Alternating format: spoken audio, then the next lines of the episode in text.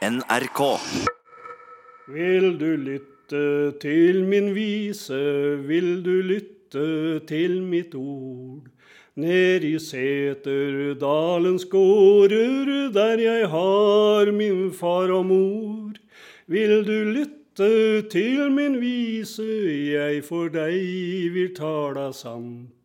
I min vise får du høre hvordan jeg har blivit fann.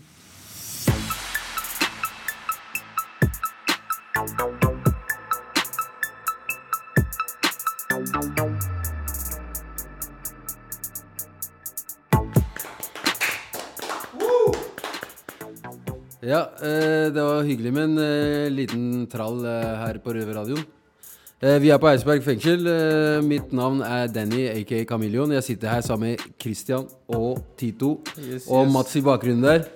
Tito, hva er det vi skal snakke om i dag? Jo, vi skal dedikere denne sendinga til taterne, som har vært en utskjelt gruppe i Norge. Ja, Mange forbinder jo da tatere med kriminalitet, og vi skal da se om det faktisk er sånn. Og så skal vi et sted i Sarpsborg som blir kalt Lykkelig gatan, som det bodde mange tatere i. Og jeg har også henta en fra avdelinga mi som er tater, som vi skal bli litt bedre kjent med, og, og høre da hva er sammenhengen mellom å være tater og kriminell. Men uh, først skal vi en tur opp til uh, Bredtvet kvinnefengsel, uh, hvor Røverinne har uh, intervjuet forfatter Tor Godtås. For vi trenger jo litt bakgrunn eh, om disse taterne, så han skal fortelle oss hvem disse taterne er. Velkommen tilbake til eh, oss eh, i Rover Radio, Tur. Eh, du har vært gjest hos oss, og vi med glede eh, har deg igjen. Men eh, i dag så skal vi snakke om tatrene. Og her på Bredtvet kvinnefengsel er jeg sammen med eh, Pernille. Hei, hei. Eh, og kan du fortelle, hva er det egentlig en tater? Tatere var en folkegruppe som sannsynligvis kom fra Asia og øst, østfra. De, de er i slekt fra langt tilbake med sigøynere. Og det kommer sigøynere i flere bølger ut fra India eh, på, på 1000-tallet. Og de kom til Europa i 1330-åra. Noen kom gjennom Russland, noen kom oppover Europa, Danmark, England. Og de var i hvert fall i Norge fra begynnelsen av 1500-tallet. Og da ble de kalt eh, Det som da var sigøynere, ble kalt tater i lovgivningen. I dansk norsk lovgivning for Norge var under Danmark fra eh, slutten av 1300-tallet til 1814. Og da het de faktisk sigøynerne het tatere. Så det er sannsynligvis slektskap der, da. Men det er vandrere, Akkurat. håndverkere og musikere. Men finnes det norske tatere?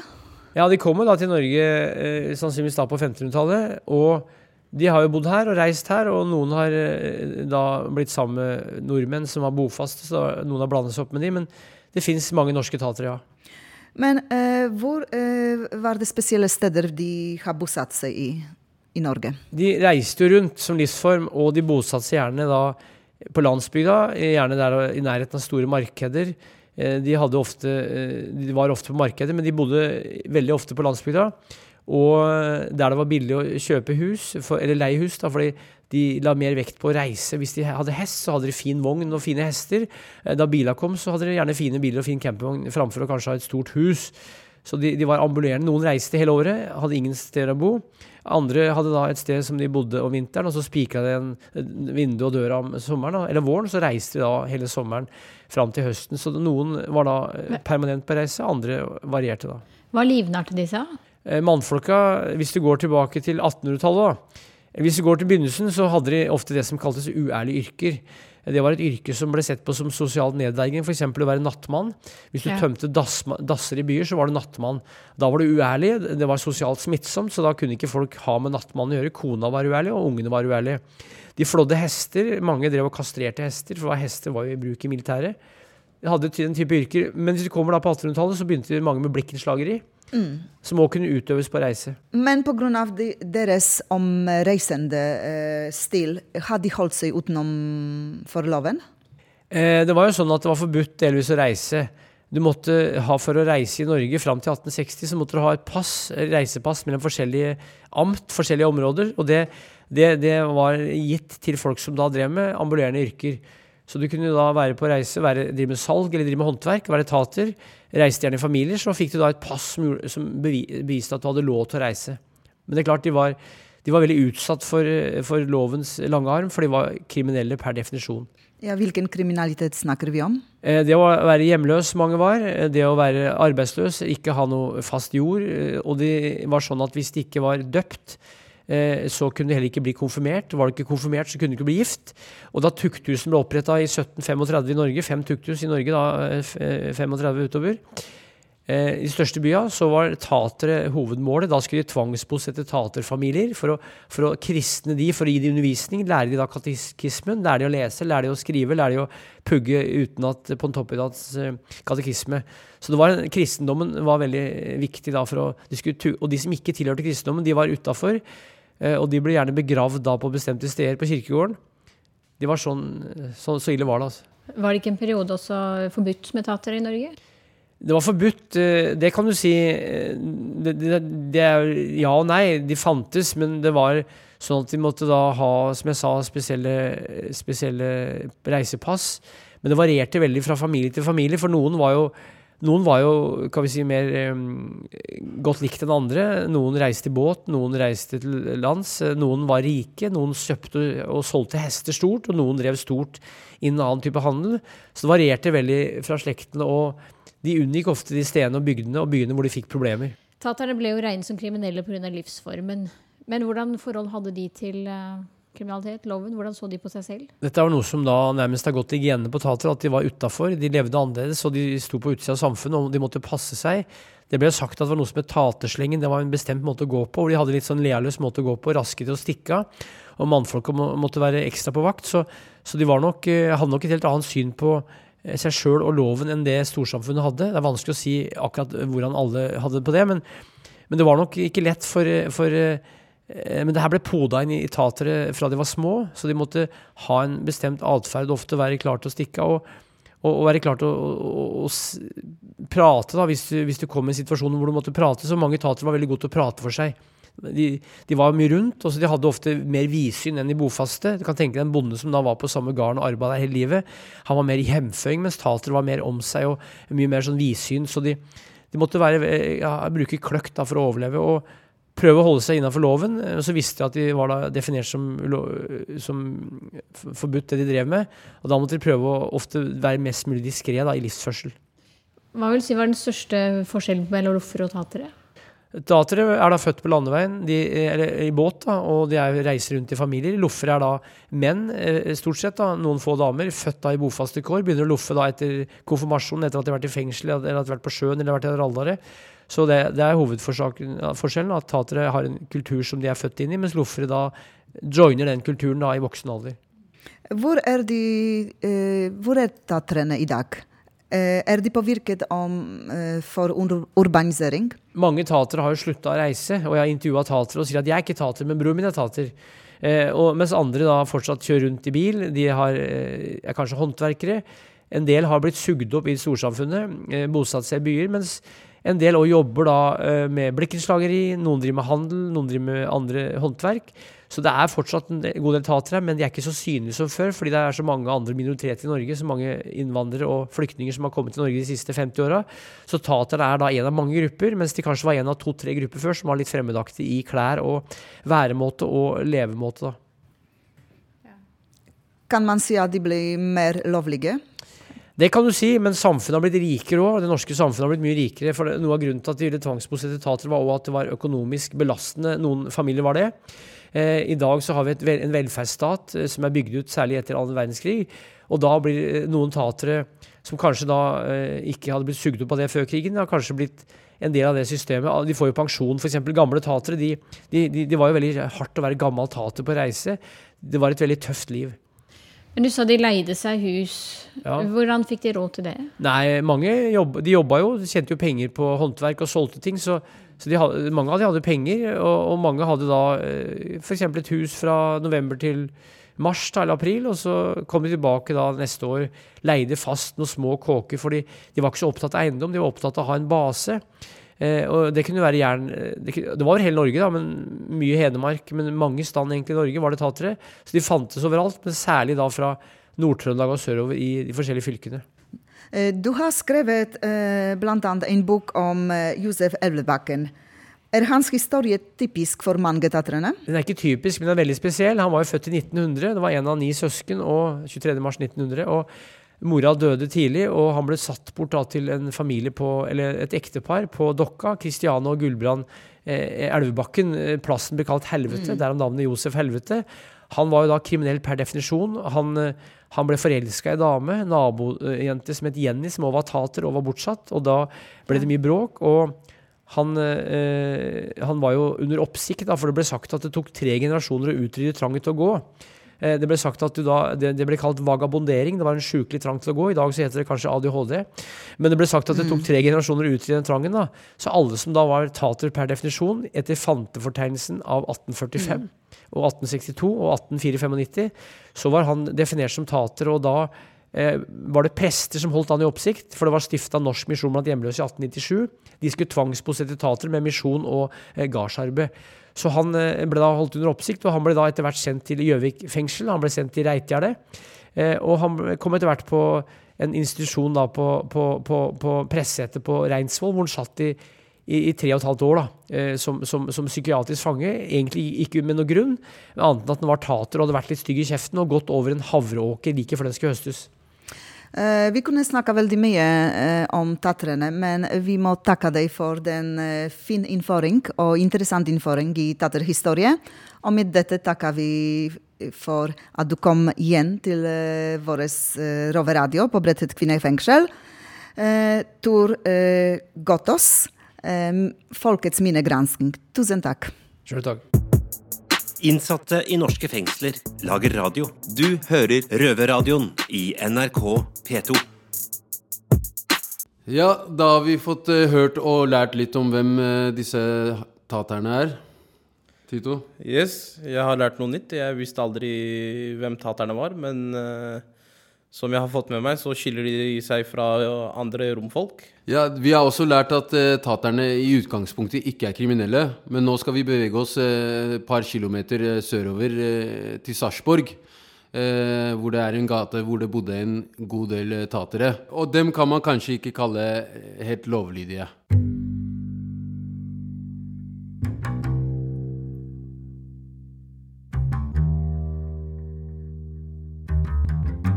Du hører på Røverradioen fra Indre Østfold fengsel, avdeling Eidsberg. Jeg er Geir. Jeg står her med uh, Tony. Hallo, Tony. Hallo. Eller vil du at jeg skal si John Tony? Si John Tony, du. Ok, John Tony. Uh, det har seg sånn at du har sittet i veldig mange dommer.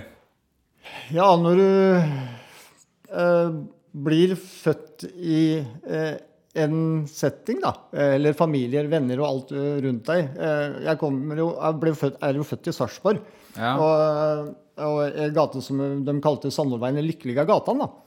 Og i den gata, eh, der så bodde det bare kriminelle. Jeg husker jo når jeg var tolv år, jeg husker også datoen 23. juni, for jeg var jo født da.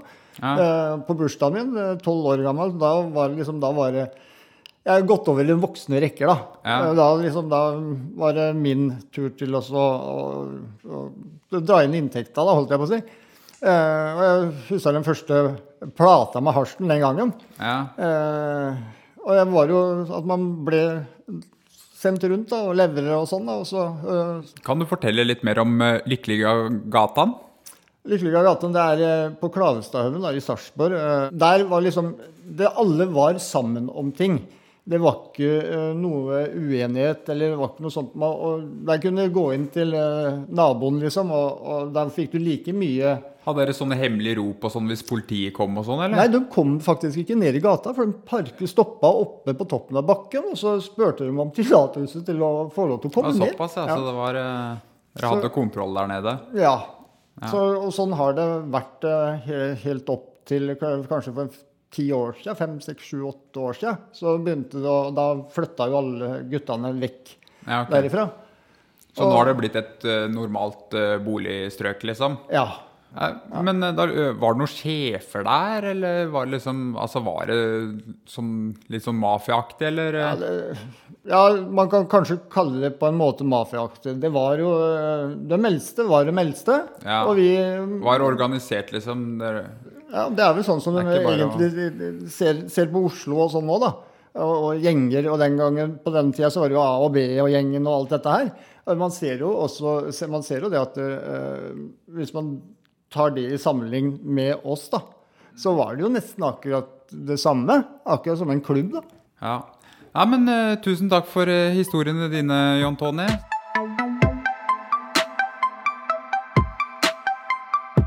Ja, da hørte vi eh, fra Lykkelige gatan eh, og taterne som eh, bodde der. Eh, men jeg er fremdeles litt interessert i å, å høre mer jeg, om taterne. Christian var så medgjørlig at han var oppe og henta deg, Egil, som er tater. Velkommen, Egil. Takk for det. Vi hørte jo på Lykkelige gatan nå, og kjenner du deg igjen i den historien, eller? Ja, det gjør jeg. Den, det er jo omtrent det samme som å høre andre sier det når, jeg når er tatere. Ja.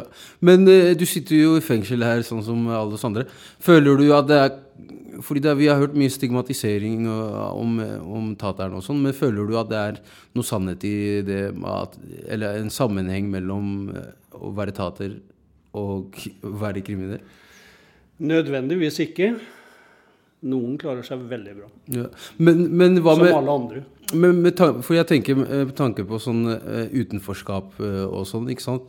Så jeg lurer på uh, For i gamle dager så var det jo litt tøffere å være dentater i Norge. Helt klart. Eh, kanskje han ble ekskludert fra arbeidsmarkedet og fra sosiale sammenhenger og sånn. Var det da lettere å, å bli kriminell? Ja, helt klart. Det det var, det var jo at uh, man ble jo litt satt utafor fellesskapet, for å si det sånn. Av at det ble hele tiden kalt uh, taterunge og litt av hvert. Og da ble det sånn at du søkte deg andre plasser.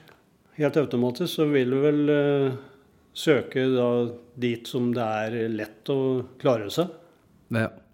Men Mats, du også, du Hvordan føler du eh, liksom det å være tater? Du, føler du at det har påvirket deg på noen som helst måte i samfunnet? Påvirket er vel uh, taterfamilien min. Det er veldig samhold, og det er lettere å fyte ting når du har en familie som på en måte driver med litt røveri her og litt røveri der. Og jeg har jo familie sjøl i Sarpsborg, i den gata, som er tatere. Eh, vi, vår taterfamilie, har eh, dratt eh, Vi splitta oss litt. Halve familien dro nedover til Skien, der jeg bor. Også, men det er jo min fars familie som er tatere, så jeg er bare halvt tater. Men det handler mye om ære og respekt i tatermiljø, og det holder veldig sammen.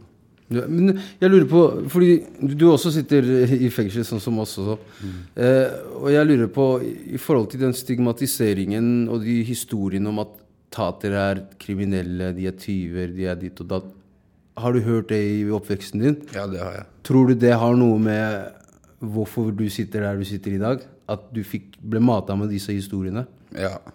Det har mye, familien min var jo ganske berykta òg, så det var jo mange som på en måte tok avstand. Det, og jeg hørte mye om tater. At jeg var tater, og, og at det liksom Jeg var dømt til å bli kriminell, da. Men var det sånn Mats, at eh, det var da tatere, eller tatere mot røkla, eller? Ja, helt riktig. Men de fleste de ville ha med taterne å gjøre, da, for å si det sånn. Du nikker med her, Egil. Eh, Har du opplevd det samme? Ja, har det egentlig. For at det var jo sånn at uh, veldig mange ville også være med oss taterungene for, også, for at uh, de kjente seg trygge, tror jeg, sammen med oss. Og vi, vi gikk jo på det som var.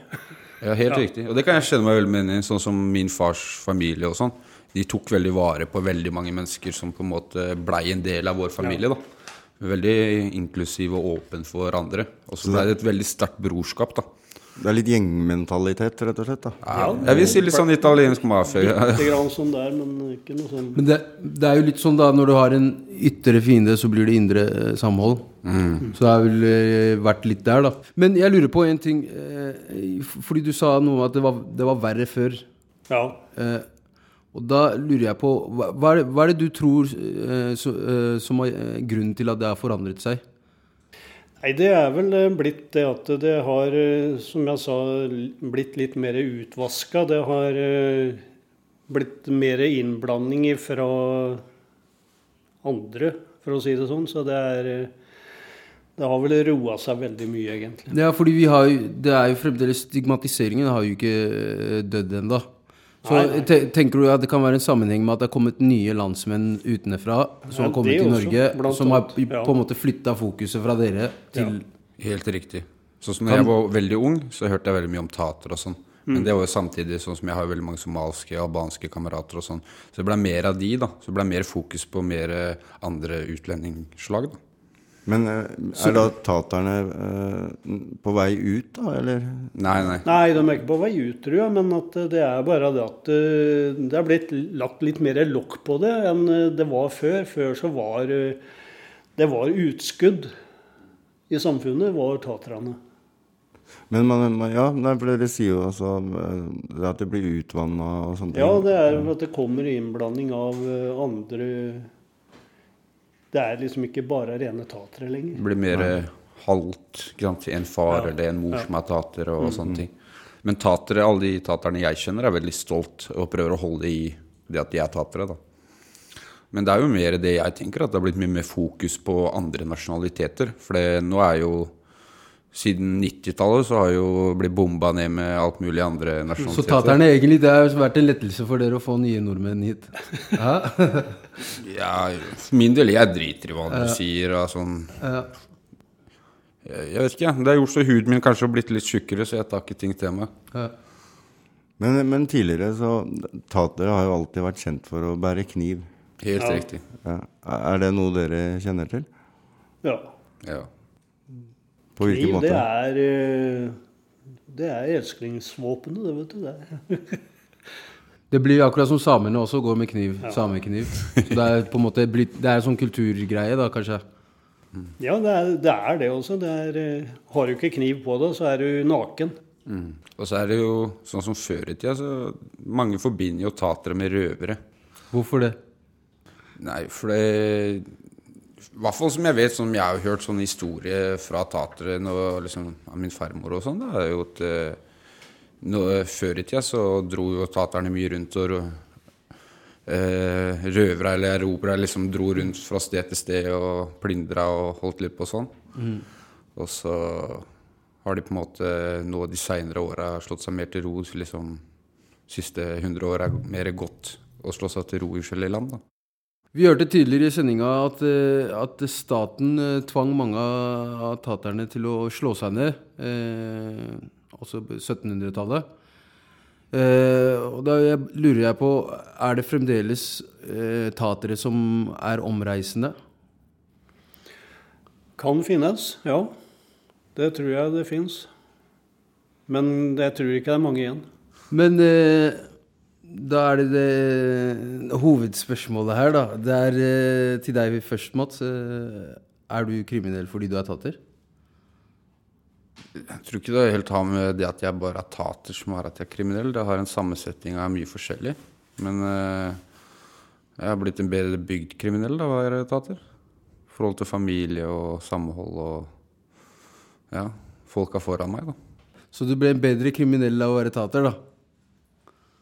Mer organisert kriminell. Hva med deg, Egil?